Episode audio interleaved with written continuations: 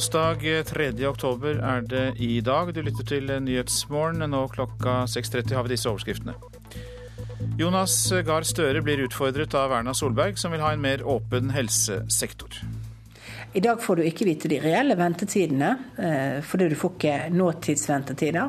Du får ikke vite kvaliteten på det sykehuset, på den operasjonen som du skal ha, eller den behandlingen du skal til. Det er to viktige ting. En mann i USA som har brevvekslet med Anders Behring Breivik, er siktet for trusler mot skole. FN bryter sin egen flyktningekonvensjon, mener Leger uten grenser. Og det er en økning i antall ran i de store byene. Gå flere samlet gjennom gatene på nattestid, er politiets råd. Så skjer veldig mye ran av én eller maks to gjerningsmenn. Så er det nok litt større sperre for de å gå på hvis det er flere i følge. Knut Eilertsen fra Hordaland politidistrikt. I studio i dag, Øystein Heggen. Jonas Gahr Støre har overtatt ledelsen av et Helse-Norge der pasientene ikke kan være trygge fordi kvaliteten er for dårlig. Det sier Erna Solberg, som i dag møter den ferske helseministeren til duell. Høyre-lederen utfordrer Støre til enda mer åpenhet om problemene i Helse-Norge fram mot valget. De to viktigste utfordringene i norsk helsevesen det er å løfte pasientsikkerhet, kvalitet og å få ned helsekøene. Høyre-leder Erna Solberg ber landets ferske helseminister ta tak for å bedre kvaliteten i Helse-Norge, og la oss alle få se det hele og fulle bildet. I dag får du ikke vite de reelle ventetidene, eh, fordi du får ikke nåtidsventetider. Du får ikke vite kvaliteten på det sykehuset, på den operasjonen som du skal ha, eller den behandlingen du skal til. Det er to viktige ting eh, som du burde vite. Her er nøkkelen. Det er en symbolsk nøkkel fordi vi er blitt så um, elektronisk. Han fikk en elektronisk kontornøkkel. Den politiske nøkkelen til økt tillit på helsefeltet må Jonas Gahr Støre finne selv. Det at vi har systematikk i hvordan vi får rapportert feil, analysert det som har skjedd og lærer av det, det tror jeg alle er enig i. Så det forslaget skal jeg ta med meg når vi nå vurderer en jobber med en stortingsmelding om dette. Erna Solberg vil se resultater i god tid før valgkampen neste høst. Klart eh, Utover våren så må vi også se hva man, hva man virkelig vil endre på. Og vi kommer til å utfordre. Vi har for lang kø til, til flere enkle operasjoner. Vi har eh, for lite bruk av rehabilitering i vårt system. Vi har for mange svingdørspasienter. Det er fortsatt mye som skal til på å løfte kvaliteten. Reporter her, det var Lars Nehru Sand. Og eh, Støre svarer Solberg når de to møtes til helseduell i Politisk kvarter på P2. Det er kvart på åtte i denne kanalen. En 23 eh, år gammel mann fra USA som har brevvekslet med Anders Behring Breivik, er siktet for trusler mot en høyskole i delstaten Massachusetts. Ifølge nettstedet Telegram.com så skal 23-åringen i fjor høst ha framsatt bombetrusler mot høyskolen der han studerte. Politiet skal ha funnet Breiviks manifest blant mannens eiendeler, sammen med dokumenter der truslene var skrevet ned. 23-åringen har erklært seg ikke skyldig og skal møte i retten igjen 15.11. En person ble funnet omkommet etter en brann i Ammerudhellinga i Oslo i natt. Politiet fikk melding om brannen klokka 1.45, og brannmannskapene fikk raskt kontroll over brannen. Identiteten til mannen som er funnet omkommet, er eh, foreløpig ikke kjent. Flyktningenes kår skal drøftes av verdens statsledere i Genéve under høykommissærens årlige møte denne uka. Leger uten grenser krever at FN vier Kenya mer oppmerksomhet, fordi de mener at FN bryter sin egen konvensjon i verdens største flyktningeleir, Dadaab. Monica Falk, du er sykepleier for Leger uten grenser, og hva går denne kritikken eh, ut på, i, bortsett fra at dere mener de bryter sin egen konvensjon? Nei, vi ser jo at det er en helt uh, marginal situasjon i flyktningleiren. Uh, det er mennesker som lever på kanten av en katastrofe. Eh, og fra i fjor så er eh, økonomiske midler redusert med 40 eh, Hjelpen var allerede ikke nok. I tillegg så ser vi også at nyankomne ikke blir registrert. Og dvs. Si at de da ikke har de rettighetene som flyktninger til beskyttelse og det helt grunnleggende.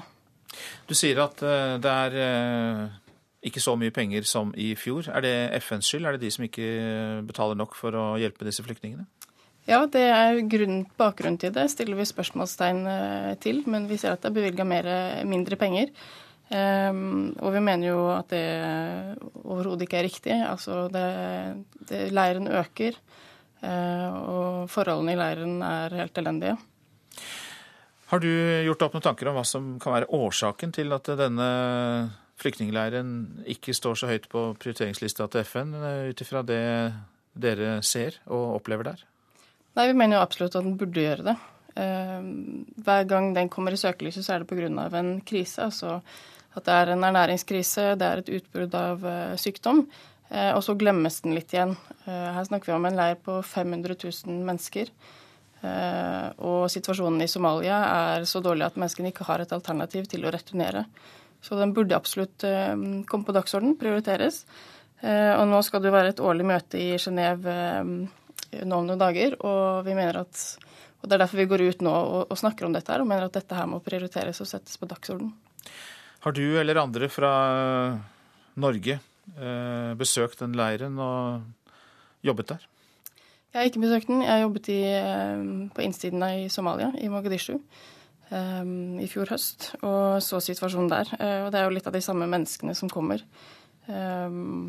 De flykter jo da til steder hvor de, de tror de får hjelp. Eh, og det jeg så i Mogadishu, var eh, mennesker i en utrolig dårlig forfatning. Eh, som flykter fra krig og konflikt og egentlig ikke har noen ting, og, og står på bar bakke når de kommer fram. Hva er det dere får gjort i området der du da har vært inne i Somalia, og i denne flyktningleiren i Dadaab i Kenya? Eh, når jeg var i Somalia, så drev vi med, med, ernæring, vi drev behandling av kolera og vaksinering. Eh, det mest livreddende som vi kunne få til. Eh, I Dadaab så har vi sykehus som driver med helsehjelp. Vi driver med mor- og barnehelse, vi driver vaksinasjon og mye behandling av underernærte barn. Så det er helt elementære helsetilbud. Men vi har jo ingen mulighet til å dekke en, en så stor leir, så vi, vi trenger jo flere aktører på banen. og ja, som sagt, det må prioriteres. Norge er representert i Genéve denne uka. Har de fått med seg råd fra dere om hvordan de skal stille seg til eh, behandlingen av leiren Dadab? Ja, det er derfor vi går ut nå og, og sier at Norge må legge press på FN eh, til å prioritere mer økonomiske midler. Eh, og til dette med registrering av flyktninger. Vi har ingen oversikt med mindre vi får registrering, og, og disse menneskene har heller ingen rettigheter. Eh, så det er veldig viktig. Og det er enkle ting som, som beskyttelse, som husly og, og, sanitære forhold som er veldig veldig dårlige, som, som, må bli bedre. Mange takk, Monica Falk, som da er eh, sykepleier for eh, Leger uten grenser. Takk skal du ha. Iran er rammet av økonomisk krise. USA er fornøyd med at sanksjonene mot Iran har fått landets valuta til å falle. Dette var tilsiktet, sier en talsmann for Det hvite hus. Formålet med de internasjonale sanksjonene mot Iran er å tvinge landet til å oppgi sitt atomprogram. Vestlige land og Israel frykter at Iran er i ferd med å utvikle atomvåpen, noe myndighetene i landet avviser. Ran på åpen gate har økt med 16% de siste åra, det viser tall fra Politidirektoratet. Flest ran skjer i storbyene på kvelds- og nattestid. Robin Garen Aaberg var på vei hjem fra en bytur i Bergen da han ble overfalt. I en mørk bakke så merket jeg at det var to menn som uh, fulgte etter meg. Jeg skjønte det på skrittene. De gikk litt for fort. I løpet av sekunder ble 22-åringen lagt i bakken og fikk et kne inn i ryggen. Det hadde bare gått noen minutter siden han skilte lag med vennene en tirsdagskveld i september. Nå ble han rana av to fremmede menn på Nygårdshøyden i Bergen. De tok mobilen og nøkler og 770 kroner i kontanter. Så la de på sprang, og studenten Robin Garen Aaberg var blitt del av en dyster statistikk. Antall ran på åpen gate har økt med 16 de siste fire åra. Til over 1100 ran årlig, syner tall fra Politidirektoratet. Flest ran blir utført i de største byene, og gjerningspersonene har fellestrekk. Det forteller seniorrådgiver Reid Stene ved Statistisk sentralbyrå. Tre av fire gjerningspersoner er under 25 år. Det begås oftest alene, men tross alt en del ran som begås sammen med andre også. Bedre lys i mørklagde gater og hyppigere patruljering kan bli aktuelt dersom det er flere ran i samme område. Men viktigst av alt er det at folk ikke går alene nattestid, ser avsnittsleder Knut Eilertsen i Hordaland politidistrikt. Så skjer veldig mye ran av én eller maks to gjerningsmenn. Og det er klart at så er det nok litt større sperre får de å gå på hvis det er flere i, i følge. Robin Garen Aaberg sier han ikke har blitt reddere for å gå ute nattestid. Men én sans er mer skjerpa enn før. Jeg ser vel ikke etter noe, jeg hører mer. Hva du hører etter, da? Skritt. Reporter her, Trude Bakke. Så litt om avisen i dag. Bokhandlerkjeden Nordli Libris tar selv opp mot 74% av det bøkene koster, skriver Aftenposten. Store og mellomstore forlag får de dårligste avtalene, og Konkurransetilsynet kaller det kartellvirksomhet. At bokkjøperne må betale mer enn nødvendig.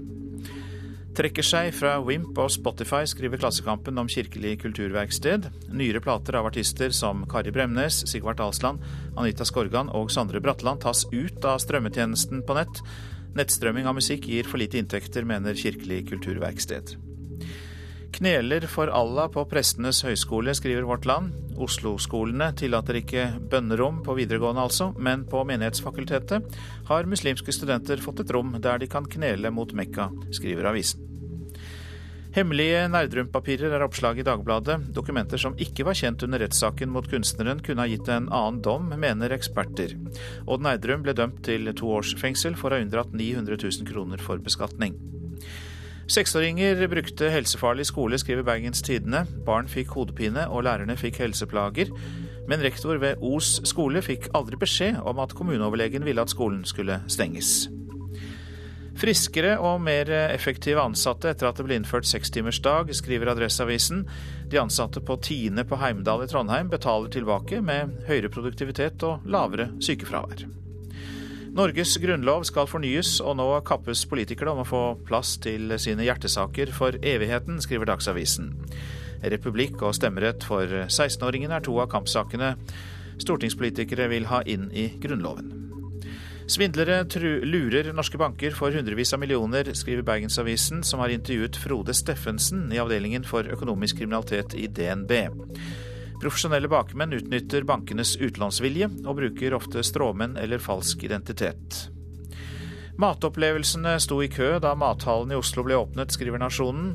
Visjonen er å tilby lokalmat fra hele landet til et størst mulig publikum.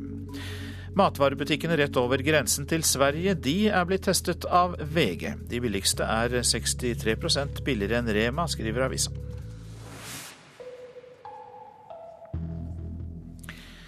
Fotball og mesterliga. Arsenal går til mesterligakamp med et eh, nylig hjemmetap for Chelsea i sekken. Men når Olympiakos kommer på besøk i kveld, så regner London-laget med å være tilbake på vinnersporet. Sehr gut, ist auch sehr gut äh. En fransk Arsenal-manager litt på tysk, men mest på engelsk framfor mesterligamøtet med Olympiakos i kveld.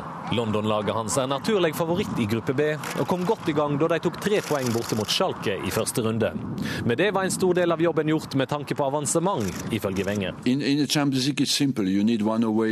Det er enkelt. I mesterligaen trenger du én borteseier og tre heimetriumfer for å gå videre. Nå er målet å være sterke hjemme. Og med Olympiakos som motstander hjemme i London bør triumfferden holde fram for de rødkledde. De greske gjestene har nemlig bare vunnet én bortekamp på de sju siste forsøkene i Mesterligaen. Likevel hevder Wenger at middelhavslaget er en vrien motstander. Of course, uh... Olympiakos we, is already in a position uh, we are back to the wall because they have lost at home. And in this uh, Champions League, when you lose at home, it's very difficult. So Olympiakos har press på seg. De tapte hjemme i forrige runde og vil komme hit med høy motivasjon. Også her må vi gi alt med tanke på avansement. Så gjenstår det å se om møtet i kveld blir plankekjøring for Wengers Arsenal. Manageren sjøl må overvære kampen uten å kunne piske spillerne sine til triumf. Franskmannen er nemlig suspendert og tribuneplassert av Uefa, men tror ikke det gjør jakta på tre poeng noe vanskeligere. Ideally, I would like to be on the bench, but uh... We speak about everything uh, before the game, you know, what can happen. I don't think that's a massive handicap. That would not be an excuse to a bad performance. Reporter her, det var Hans Henrik Løken. Klokka den går raskt mot kvart på sju. Dette er hovedsakene. Erna Solberg utfordrer helseministeren til mer åpenhet om helsesektoren. Høyre-lederen møter Jonas Gahr Støre til duell i Politisk kvarter om nøyaktig en halvtime. En time blir det, kvart på åtte. FN bryter sin egen flyktningkonvensjon, mener Leger uten grenser. Og økning i antall ran i de store byene. Gå flere samlet gjennom gatene på natterstid, er politiets råd. Oljeservice- og leverandørbedriftene i Stavanger har satset mye på å tekkes Statoil og levere produkter og tjenester til Nordsjøen, i stedet for å se utenlands. Ja, det mener BI-professor Torger Reve, som har skrevet en rapport om dette. Og konklusjonen er klar, Stavanger bør lære mer av Kristiansand og Kongsberg. Vært veldig fornøyd med at de har eh, de store oljeselskapene og de har de viktige oljeserviceselskapene. Men det er ikke nok, skal vi klare oss ut i verden. Klar beskjed fra BI-professor Torgeir Reve. Oljeindustrien i Stavanger-regionen tenker ikke lenger enn Nordsjøen, mener han. Og det gjør bransjen mindre robust den dagen festen er over her hjemme. Nå er jo Nordsjøen fortsatt en provins med, med, store funn, sånn at det, dette er ikke sånn som går over i løpet av et par år. Men man lever litt farlig når man legger liksom alle eggene i en kurv og derfor er BI-professoren sikker i sin sak. Oljevirksomheten i regionen må se mot Kristiansand og Kongsberg for å ikke bli sittende med skjegget i postkassa. Hvis vi sammenligner med en del av de andre offshore-regionene i Norge, så ser vi at disse regionene, hvis vi tar Kongsberg, Kristiansand, Ålesund osv., de, har, de har mer teknologi. altså De har mer, større andel av deres produkter går til utlandet og mindre de er mindre avhengig av Nordsjøen. Hvorvidt de har noe å lære, så skal vi veldig gjerne hjelpe med det. Sier daglig leder i Node-klyngen i Kristiansand, Kjell O. Johannessen. Men det er et faktum at fordi vi ikke ble oljehovedstad, fordi vi aldri fikk tildeling av et, eller et etablering av et oljeselskap eller en base til å etablere seg, så har vi kanskje mer måttet hjelpe oss selv gjennom tiden. Det tror jeg er riktig å si. Jan Soppland i Greater Stavanger avfeier ikke helt å hente lærdom fra Kristiansand og Kongsberg til Stavanger, men Nordsjøen, det er fremdeles hett. Noen må tross alt levere det som skal stå og virke i Nordsjøen, som er utfordrende nok. Eh, og, og det at det har skjedd her, tror jeg har vært riktig og naturlig. Ja, Det som er interessant med Kristiansand, eh, som kanskje ikke Stavanger har fått med seg, er at der er dynamikken, samspillet mellom bedriftene, utrolig mye bedre. Reve sikter til klyngesamarbeidet som bl.a. har gitt Kristiansandsbedriftene stort innpass i verdensmarkedet. Men styrken i Stavanger har vært mindre nisje og mer bredde, selv om de kanskje har noe å lære av eksporttanken til de andre offshoremiljøene. Jeg vil nok kanskje si at alt i alt så er Stavanger-regionen mer diversifisert i produktporteføljen sin enn hva Kristiansand er. Men igjen, jeg tror vi har noe å lære av Kristiansand. Vi har noe å lære av Node-miljøet der. Vi har noe å lære av Kongsberg-miljøet. Men vi kan en del her òg. Og eh, reporter her, det var Inger Johanne Stenberg. Mer penger til kor, korps og frivillige, sier regjeringen, som vil gi mer tilbake for den momsen organisasjonene betaler. Men full kompensasjon blir det ikke. Det holder ikke, mener KrF, som vil ha et nytt system der frivillige organisasjoner slipper momsen helt og holdent. I dag betaler f.eks. norske korps alene inn 40 millioner kroner til statskassa i moms. Bjølsen ungdomskorps i Oslo varmer opp til en litt høstferieglissen øvelse. I norske korps går det med mange kakelotterier og dugnader for å samle inn penger til noter og nye instrumenter. I fjor betalte korpsene 60 millioner kroner i moms og fikk tilbake 18 millioner kroner gjennom ordningen for momskompensasjon. Det gir staten 42 millioner kakelotterikroner i kassen. Kasserer Jon Enger i Bjølsen sier det vil monne med momsfritak. Vi um, holder på hele januar og spiller på juletrefester da, i korpset vårt. Og jeg tror uh, hvis vi hadde fått full uttelling under eh, momskompensasjonen, så kunne vi sikkert klart oss med fire-fem juletrefester mindre. Det er klart det blir en lavere belastning på medlemmene. Mens næringslivet og det offentlige ikke betaler moms på varer og tjenester, så må de frivillige organisasjonene gjøre det. De siste årene har den rød-grønne regjeringen derfor smått om senn bygget opp en pott med penger frivilligheten kan søke på for å få tilbakebetalt noe av momsen. På neste års statsbudsjett økes potten til 950 millioner kroner til frivillig kultur, idrett og veldedighet. Svært positivt, sier generalsekretær i Norges Musikkorps Forbund, Anita Finnebråten. Men det er nå engang slik at uh, vi eh, ønsker å ha et klar målsetning om fullt momsfritak, og det vil si krone for krone. Regjeringen har et mål om å øke potten til 1,2 milliarder om to år. Men allerede i 2010 betalte frivilligheten om lag 1,4 milliarder kroner i moms. Kulturminister Hadia Tajik innrømmer at det ikke vil bli full kompensasjon. Det er riktig at det er en liten avkortning eh, med de pengene som vi har lagt opp til nå, men løftet har aldri vært så gigantisk som det er i år. Kulturpolitisk talsmann Øyvind Håbrekke i Kristelig Folkeparti mener det trengs et nytt og enkelt system som gir mulighet for fullt momsfritak. Det er stor usikkerhet omkring ordninga her i framtida, og det føler jo frivilligheten på. Fordi at regjeringa har definert det som ei støtteordning. Og dermed kan, man frykte for at det kuttes eh, senere, eller eh, alt dette som budsjettsituasjonen tilsier. Og eh, det var Thomas Alverstein Ove som var reporter her. Så et værvarsel. Fjell i Sør-Norge. Økning til sørøstlig kuling, stedvis sterk kuling. Regn fra vest, snø i høyfjellet. Lokalt mye nedbør sør i Langfjella. Fra i ettermiddag minkende vind og lettere vær, særlig i øst. Østlandet på kysten stiv og forbigående sterk kuling, regn fra vest. I kveld lettere vær fra sør. Telemark og Agder på kysten stiv kuling, kraftig regn i Agder og utrygt for torden. Fra i ettermiddag liten kuling på kysten, seinere bris. Regnbyger, i kveld opphold øst for Kristiansand. Vestlandet sør for Stad. Sørøstlig stiv til dels sterk kuling, fra utpå dagen dreiende sørlig. Sør for Feie minkende til sørvestlig liten kuling i kveld. Regn regnbyger, utrygt for torden. Mest nedbør blir det i sør. Møre og Romsdal og Trøndelag. Sørøst frisk bris utsatte steder. I Trøndelag økende til kuling utsatte steder. Og i kveld sørøst stiv kuling også på Sunnmøre. Tilskyende, fra i ettermiddag regn av og til, vesentlig i sør. Nordland får først på dagen enkelte regnbyger i nord, og fra i ettermiddag litt regn også i sør. For eh, øvrig en del sol. I kveld opp i stiv kuling sør for Salten. Troms enkelte regnbyger i ytre strøk, etter hvert opphold. Finnmark først på dagen sol i vest, ellers spredt regn. På vidda lokal tåke først på dagen. Nordensjøland på Spitsbergen får for det meste pent vær i dag. Så var det temperaturer målt klokka fem. Svalbard lufthavn én grad. Kirkenes og Vardø åtte. Alta sju. Tromsø-Langnes tre. Bodø og Brønnøysund ni grader. Trondheim-Værnes fem. Molde åtte. Bergen-Flesland ti. Stavanger elleve. Kristiansand-Kjevik 13. Gardermoen sju grader. Lillehammer fire. Røros tre grader. Og Oslo-Blindern hadde ti grader klokka fem i natt.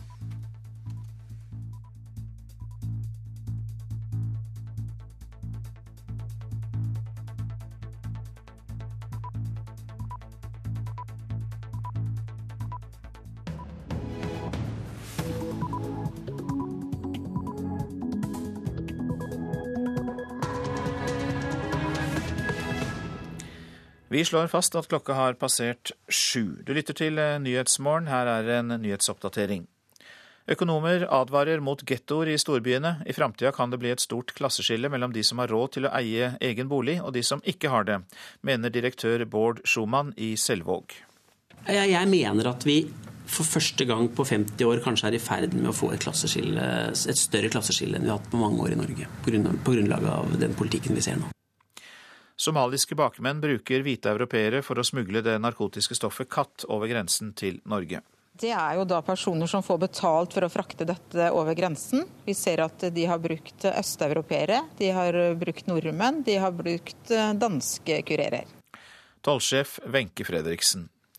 President Barack Obama og republikanernes presidentkandidat Mitt Romney møtes til debatt i Denver i kveld. Det er første gang de to møtes til en duell ansikt til ansikt. Flere ranes på gata. Tallet på slike ran har økt med 16% de siste åra. Robin Garen Aaberg var på vei hjem fra en bytur i Bergen da han ble overfalt av to menn. De tok mobilen og nøkler og 770 kroner i kontanter.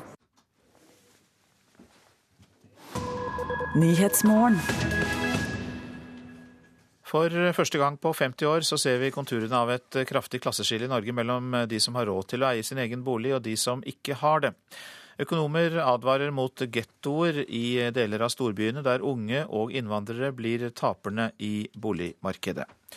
Løsningen kan være en storstilt utbygging av kommunale utleieleiligheter.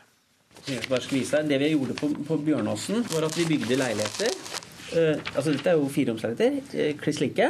Men så kunne de velge om enten om de vil ha lukket kjøkken eller åpent kjøkken. Det var ikke noe prisforskjell på det.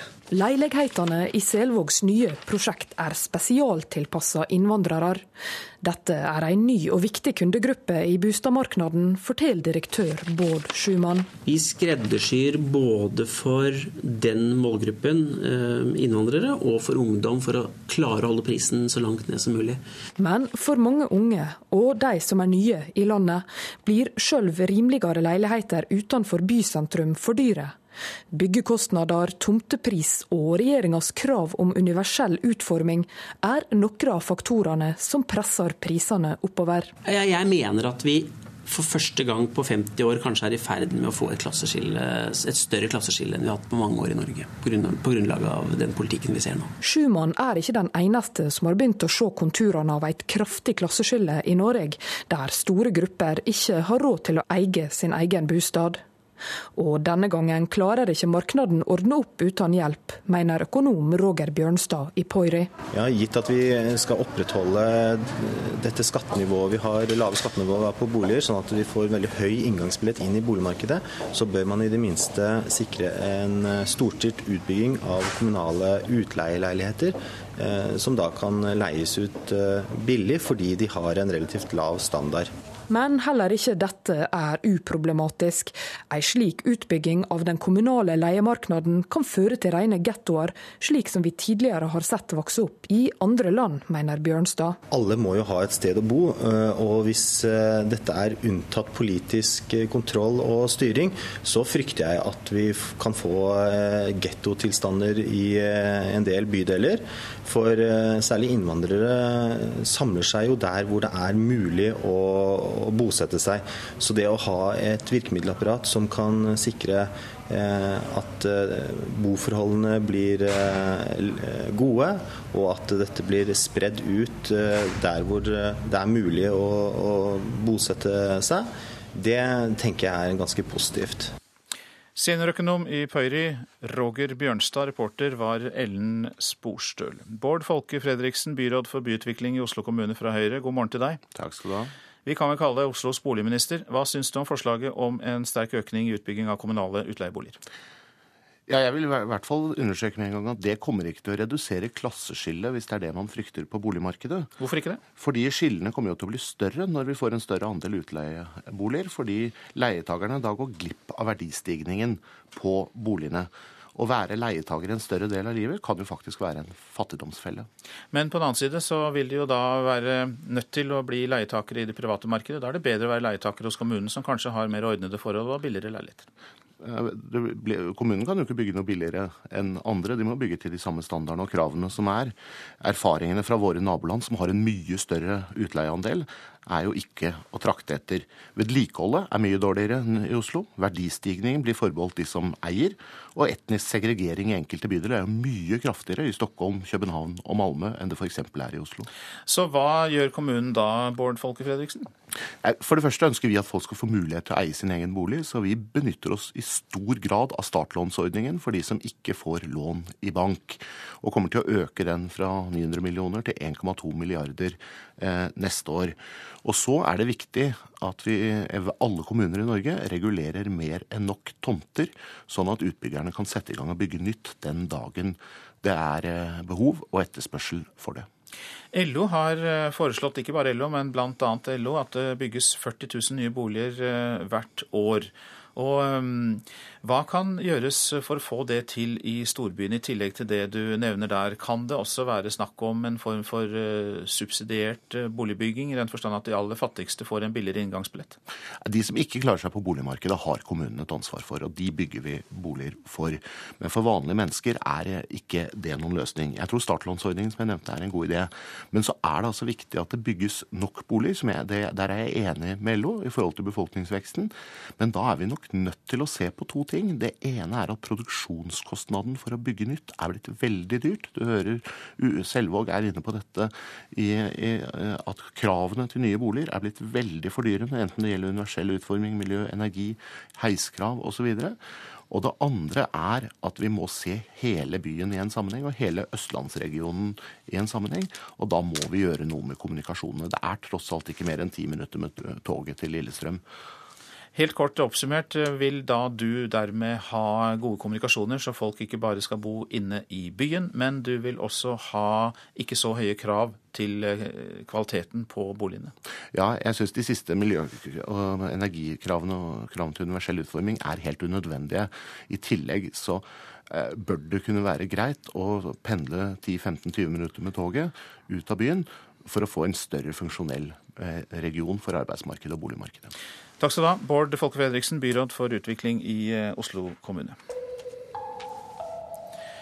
Politisk eh, kvarter eh, kommer om en drøy halvtime, kvart på åtte, og det er toppmøte om helsepolitikk. Per Arne Bjerke. Ja, for første gang møter vår nye helseminister Jonas Gahr Støre Høyre-leder Erna Solberg til debatt om det som blir en av de viktigste sakene foran valget neste år. Har vi store problemer i Helse-Norge, eller er det bare svartmaling? Og hva er det den nye helseministeren vil gjøre som hans forgjenger ikke gjorde? Politisk kvarter, kvart på åtte.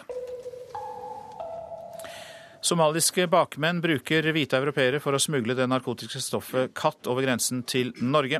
Østeuropeere, men også nordmenn, svensker og dansker blir brukt som kurerer, forteller tollsjef ved Svinesund tollstasjon, Wenche Fredriksen. Det er jo da personer som får betalt for å frakte dette over grensen. Vi ser at de har brukt østeuropeere, de har brukt nordmenn, de har brukt eh, danske kurerer. Grønne blad plukkes fra et tre i Kenya, og tre dager senere er katten på vei inn i Norge. Tidligere var det folk fra Somalia som tok narkotikaen over grensa, men nå har bakmenn funnet nye metoder for å få ferskvaren hit. Det sier tolldirektør Bjørn Røse. Tidligere så var det både somaliske bakmenn og eh, somaliske kurerer. Det siste er blitt en god del endret. Fortsatt er det stort sett somaliske bakmenn, men det er i betydelig stor grad europeiske kurerer som nå opererer. I april i år ble en 64 år gammel nordmann tatt med 126 kilo katt i bilen. Samme måned prøvde en ung dansk kvinne å fly inn 95 kilo fra Storbritannia. En svenske og to ungarere står også bak noen av de største smuglerforsøkene i Norge så langt i år. Vi tror vel at dette kan ha en viss sammenheng med, med den økonomiske utviklingen i Europa. At det rett og slett er lettere enn tidligere å rekruttere europeiske kurerer. Wenche Fredriksen ved Svinesund tollstasjon sier de hvite frakterne gjør jobben vanskeligere for tollerne. Ja, det er klart at eh, det er en utfordring for oss da å stanse da og også titte i bagasjen eh, på disse. Helt klart eh, en utfordring i forhold til å da vite hvem som smugler. De to siste årene har tollvesenet beslaglagt ti tonn katt i året men tall fra første halvdel av 2012 viser en liten nedgang i antall beslaglagte kilo. Mens tollerne fant over 5000 kilo i første halvdel av fjoråret, har i underkant av 4000 kilo blitt beslaglagt i år. Fredriksen ved Svinesund tollstasjon sier det kan skyldes de nye frakterne. Vi vet jo det at når vi tar mye beslag, så flytter trafikken seg, eller den blir borte i perioder. Så det er litt tidlig å dra noen konklusjon her, men eh, det kan jo helt klart være en av årsakene. Og det var Kristine Svendsen som hadde laget eh, innslaget. God morgen til deg, Lars Holmen. God morgen. Du er generalsekretær i Norsk Narkotikapolitiforening, og smuglerne har da valgt eh, til dels andre typer kurerer. Vi hørte jo delvis eh, hvorfor de gjør det her. Men eh, det er vel da både fordi de er blitt lettere å rekruttere, og de er lettere å snike over grensen fordi dere er ikke så obs på de, de som har hvit hud? Ja, altså Når det gjelder trendutvikling på narkotikasmugling, så er det jo helt åpenbart at her må man følge med i timen uansett om man ser den ene eller andre veien. Så det at man forandrer smuglingsmodus, det er strengt tatt ikke noe nytt. Nei, så dere ser at det er forandring hele tiden fordi man prøver å finne andre måter å komme inn på. Hvis én stoppes, prøver man noe annet? Ja, det ligger vel strengt tatt i, i, deres natur at man ikke ønsker å bli stoppet av verken tollvesen eller politi. og det er klart da, da er det utfordring for både politi og tollvesen å være til stede, følge med og se på den trendutviklingen som er, sånn at man faktisk kommer i best mulig posisjon til å, å ramme dette. Fortell meg om katt. Hva er det, og hvilke virkninger har det? Altså Katt er eh, strengt tatt et naturlig narkotika. Kommer fra en eh, plante som heter Cata edulis, som dyrkes eh, mye nede i Somalia, Jemen-området. Er et sentralstimulerende stoff. Virker oppkvikkende, virker si, frigjørende på en del signalstoffer i hjernen som gjør at man får et type velbehag. og og økt aktivitet i sentralnervesystemet. Det inneholder et par virkestoffer som er litt, eh, som blir litt spesielle. Det er rett og slett en ferskvare eh, som gjør at man ifra man plukker dette eh, i dyrkningsområdene til det konsumeres her i Norge, så har man strengt tatt ikke så veldig mange dagene på seg. Så det, det er litt spesielt i forhold til en del andre stoffer. Hvor mange er det som driver med dette stoffet i Norge, tror du? Nei, Å si akkurat hvor mange som holder på med det, er, er, nok vanskelig. Men det vi ser, er jo at det er stor grad av si, knyttet til spesielle etniske grupperinger. Som uh, f.eks. deler av det somaliske miljøet osv. Vi har veldig få uh, tilfeller av etnisk norske som bruker, bruker dette stoffet. Men eh, er det slik at eh, dette høres ut som ikke er fullt så ille som heroin og kokain f.eks.? Eh, er det slik at kampen mot innføring av katt da ligger litt lavere på prioriteringslista? I det daglige så er det klart både politiet og tollvesenet forholder seg til hva som kanskje fremstår som den, den største trusselen for befolkningen som, som helhet. Og når man ser på eh, hvordan lovgiver har, har vektlagt eh, farligheten og alvorligheten av dette her, så er, så er det helt åpenbart at eh, katt ikke er regna som si, så langt opp på lista som en del av de andre stoffene. Hvis du avslutningsvis skal si hva er de viktigste kravene politiet og tollvesenet må stille til seg sjøl nå for å ta smuglerne? Du var litt inne på det, men er det å være fleksibel og se på nye måter å smugle på hele tiden?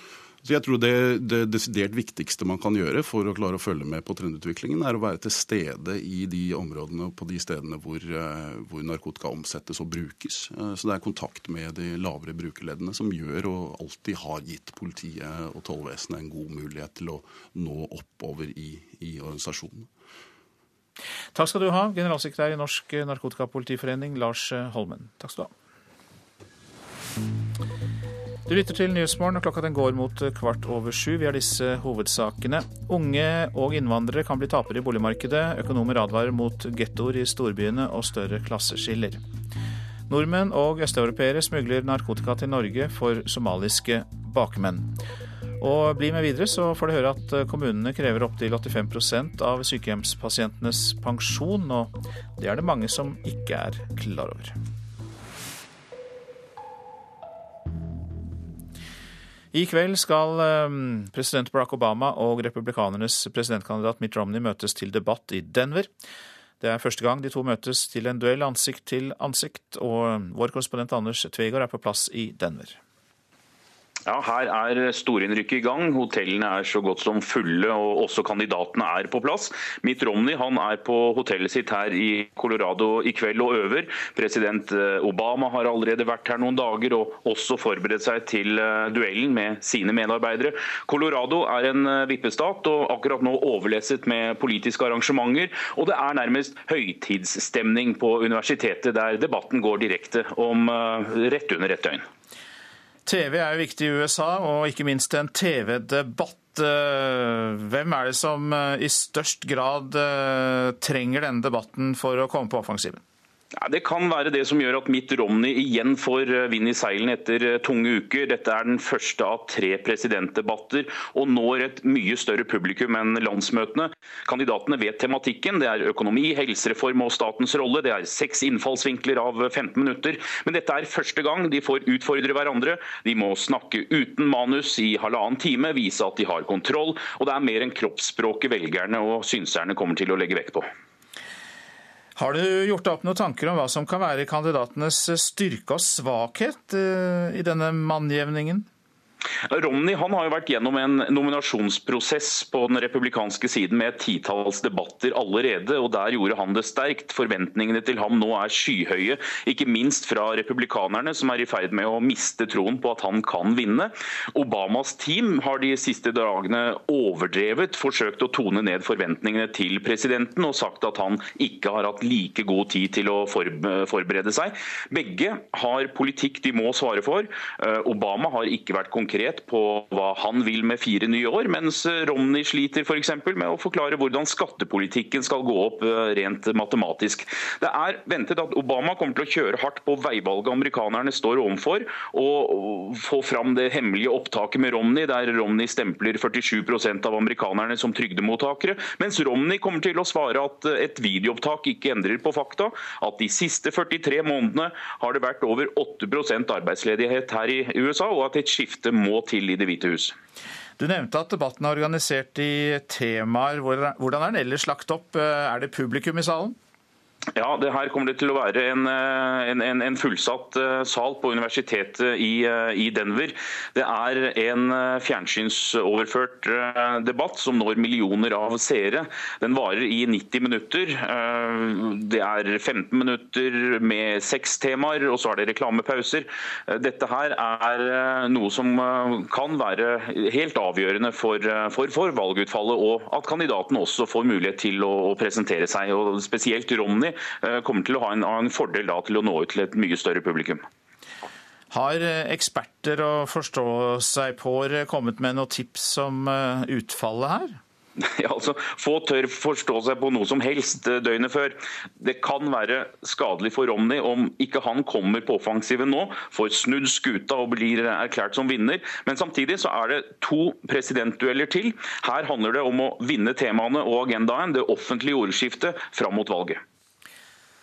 Korrespondent Anders Tvegård, som jeg snakket med før sending.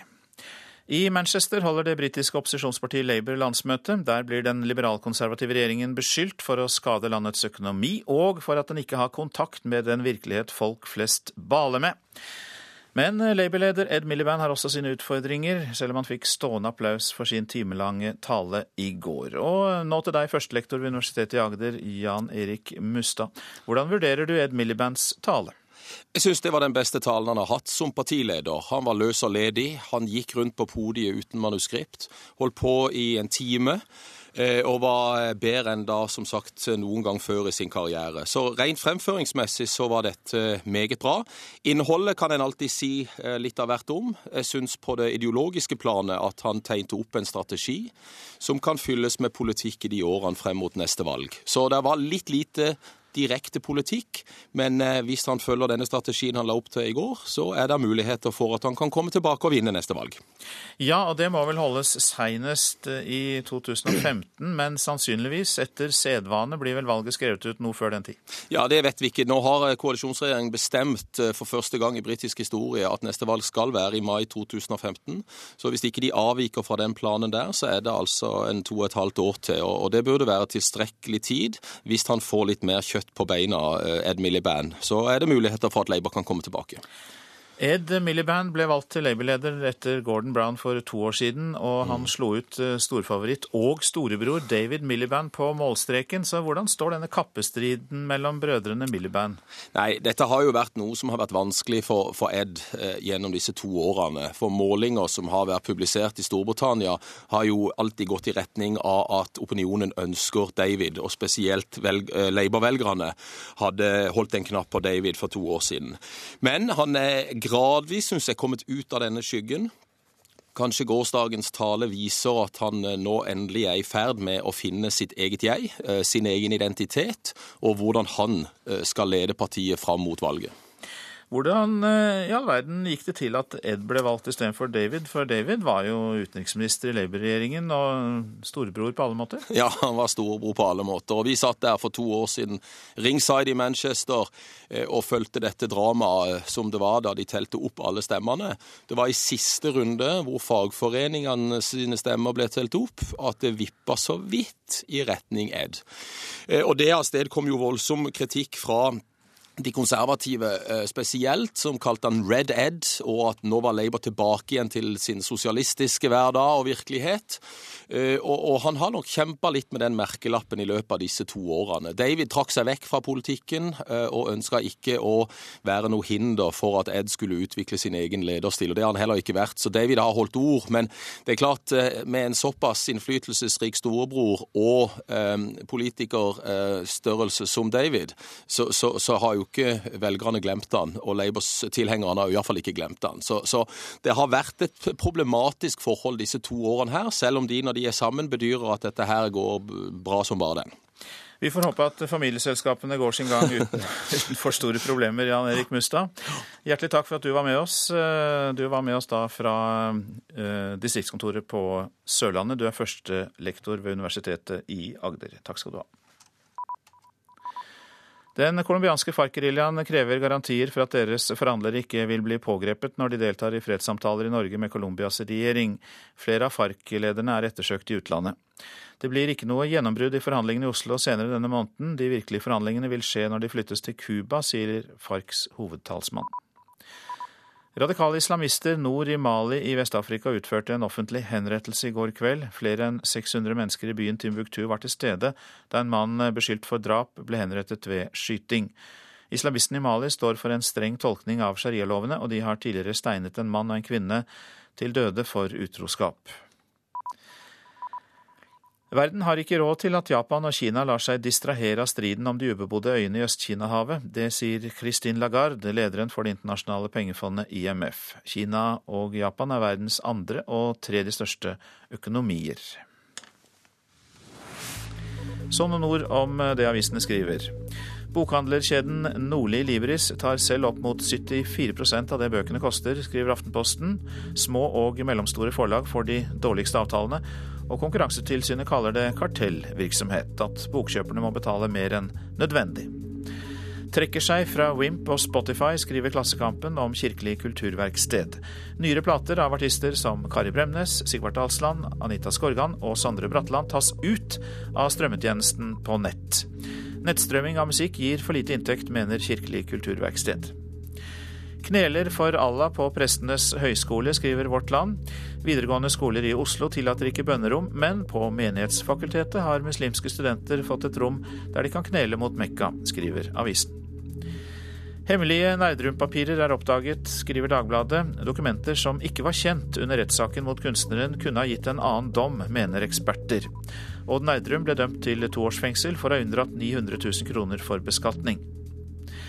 Seksåringer brukte helsefarlig skole, skriver Bergens Tidende. Barn fikk hodepine og lærerne fikk helseplager. Men rektor ved Os skole fikk aldri beskjed om at kommuneoverlegen ville at skolen skulle stenges.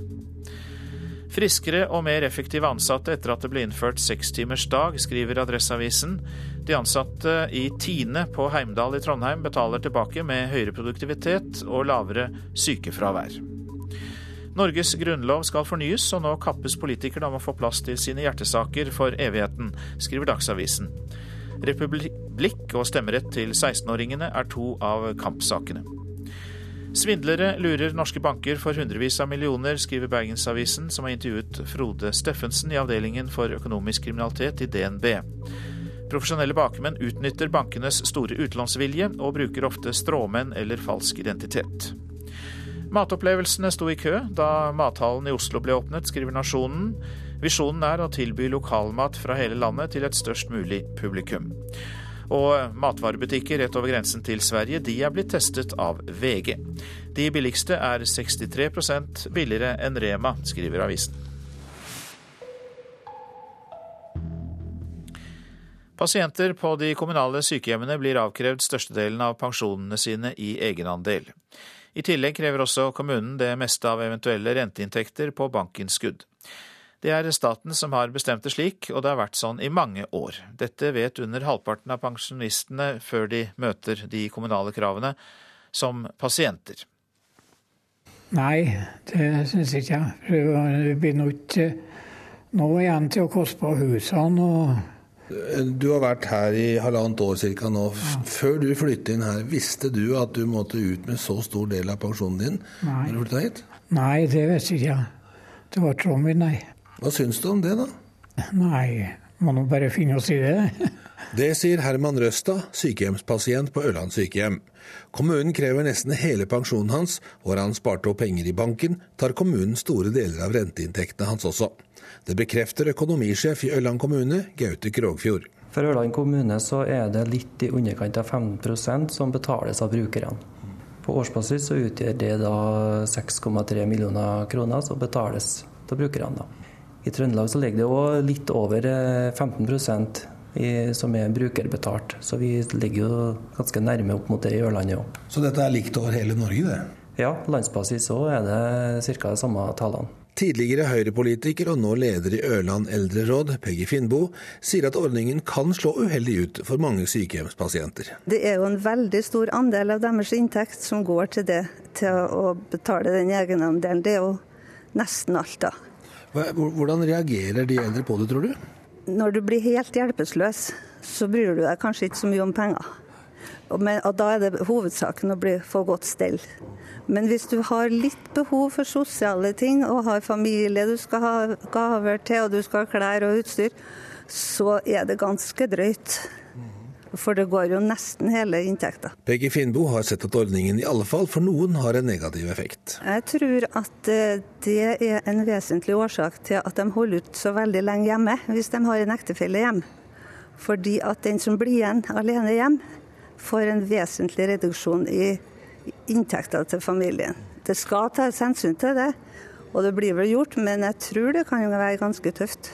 Kan vi spørre dine venner her inne, 100, over 100 i tallet, om de er klar over at de må betale når de kommer inn på eh, en institusjon? Ja, jeg tror ikke det er noe feil å spørre. Det skjedde under en tilstelning for Ørlands pensjonister i går, der det var samlet ca. 120 eldre. Resultatet ble at mindre enn halve forsamlingen rakk opp handa og slik ga uttrykk for at de kjente til ordningen.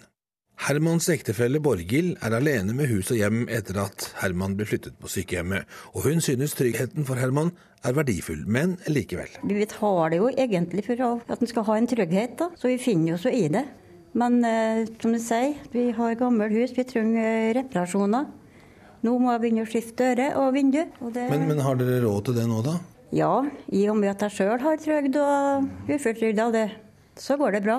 Så hvis du må hit òg, da? Ja, hva da? Da går jo alt hit, da. Det var ikke rettferdig, det. da. Reporter her, det var Ståle Ytrehus. Miss Universe, skuespiller og guvernør, men også forfatter. Vi skal høre siste nytt om Arnold Schwarzenegger etter Dagsnytt. Helse er tema i Politisk kvarter. Dit kommer helseminister Jonas Gahr Støre og Høyre-leder Erna Solberg. Prosent for Nyhetsmorgen er Ragnhild Bjørge. Her i studio, Øystein Heggen.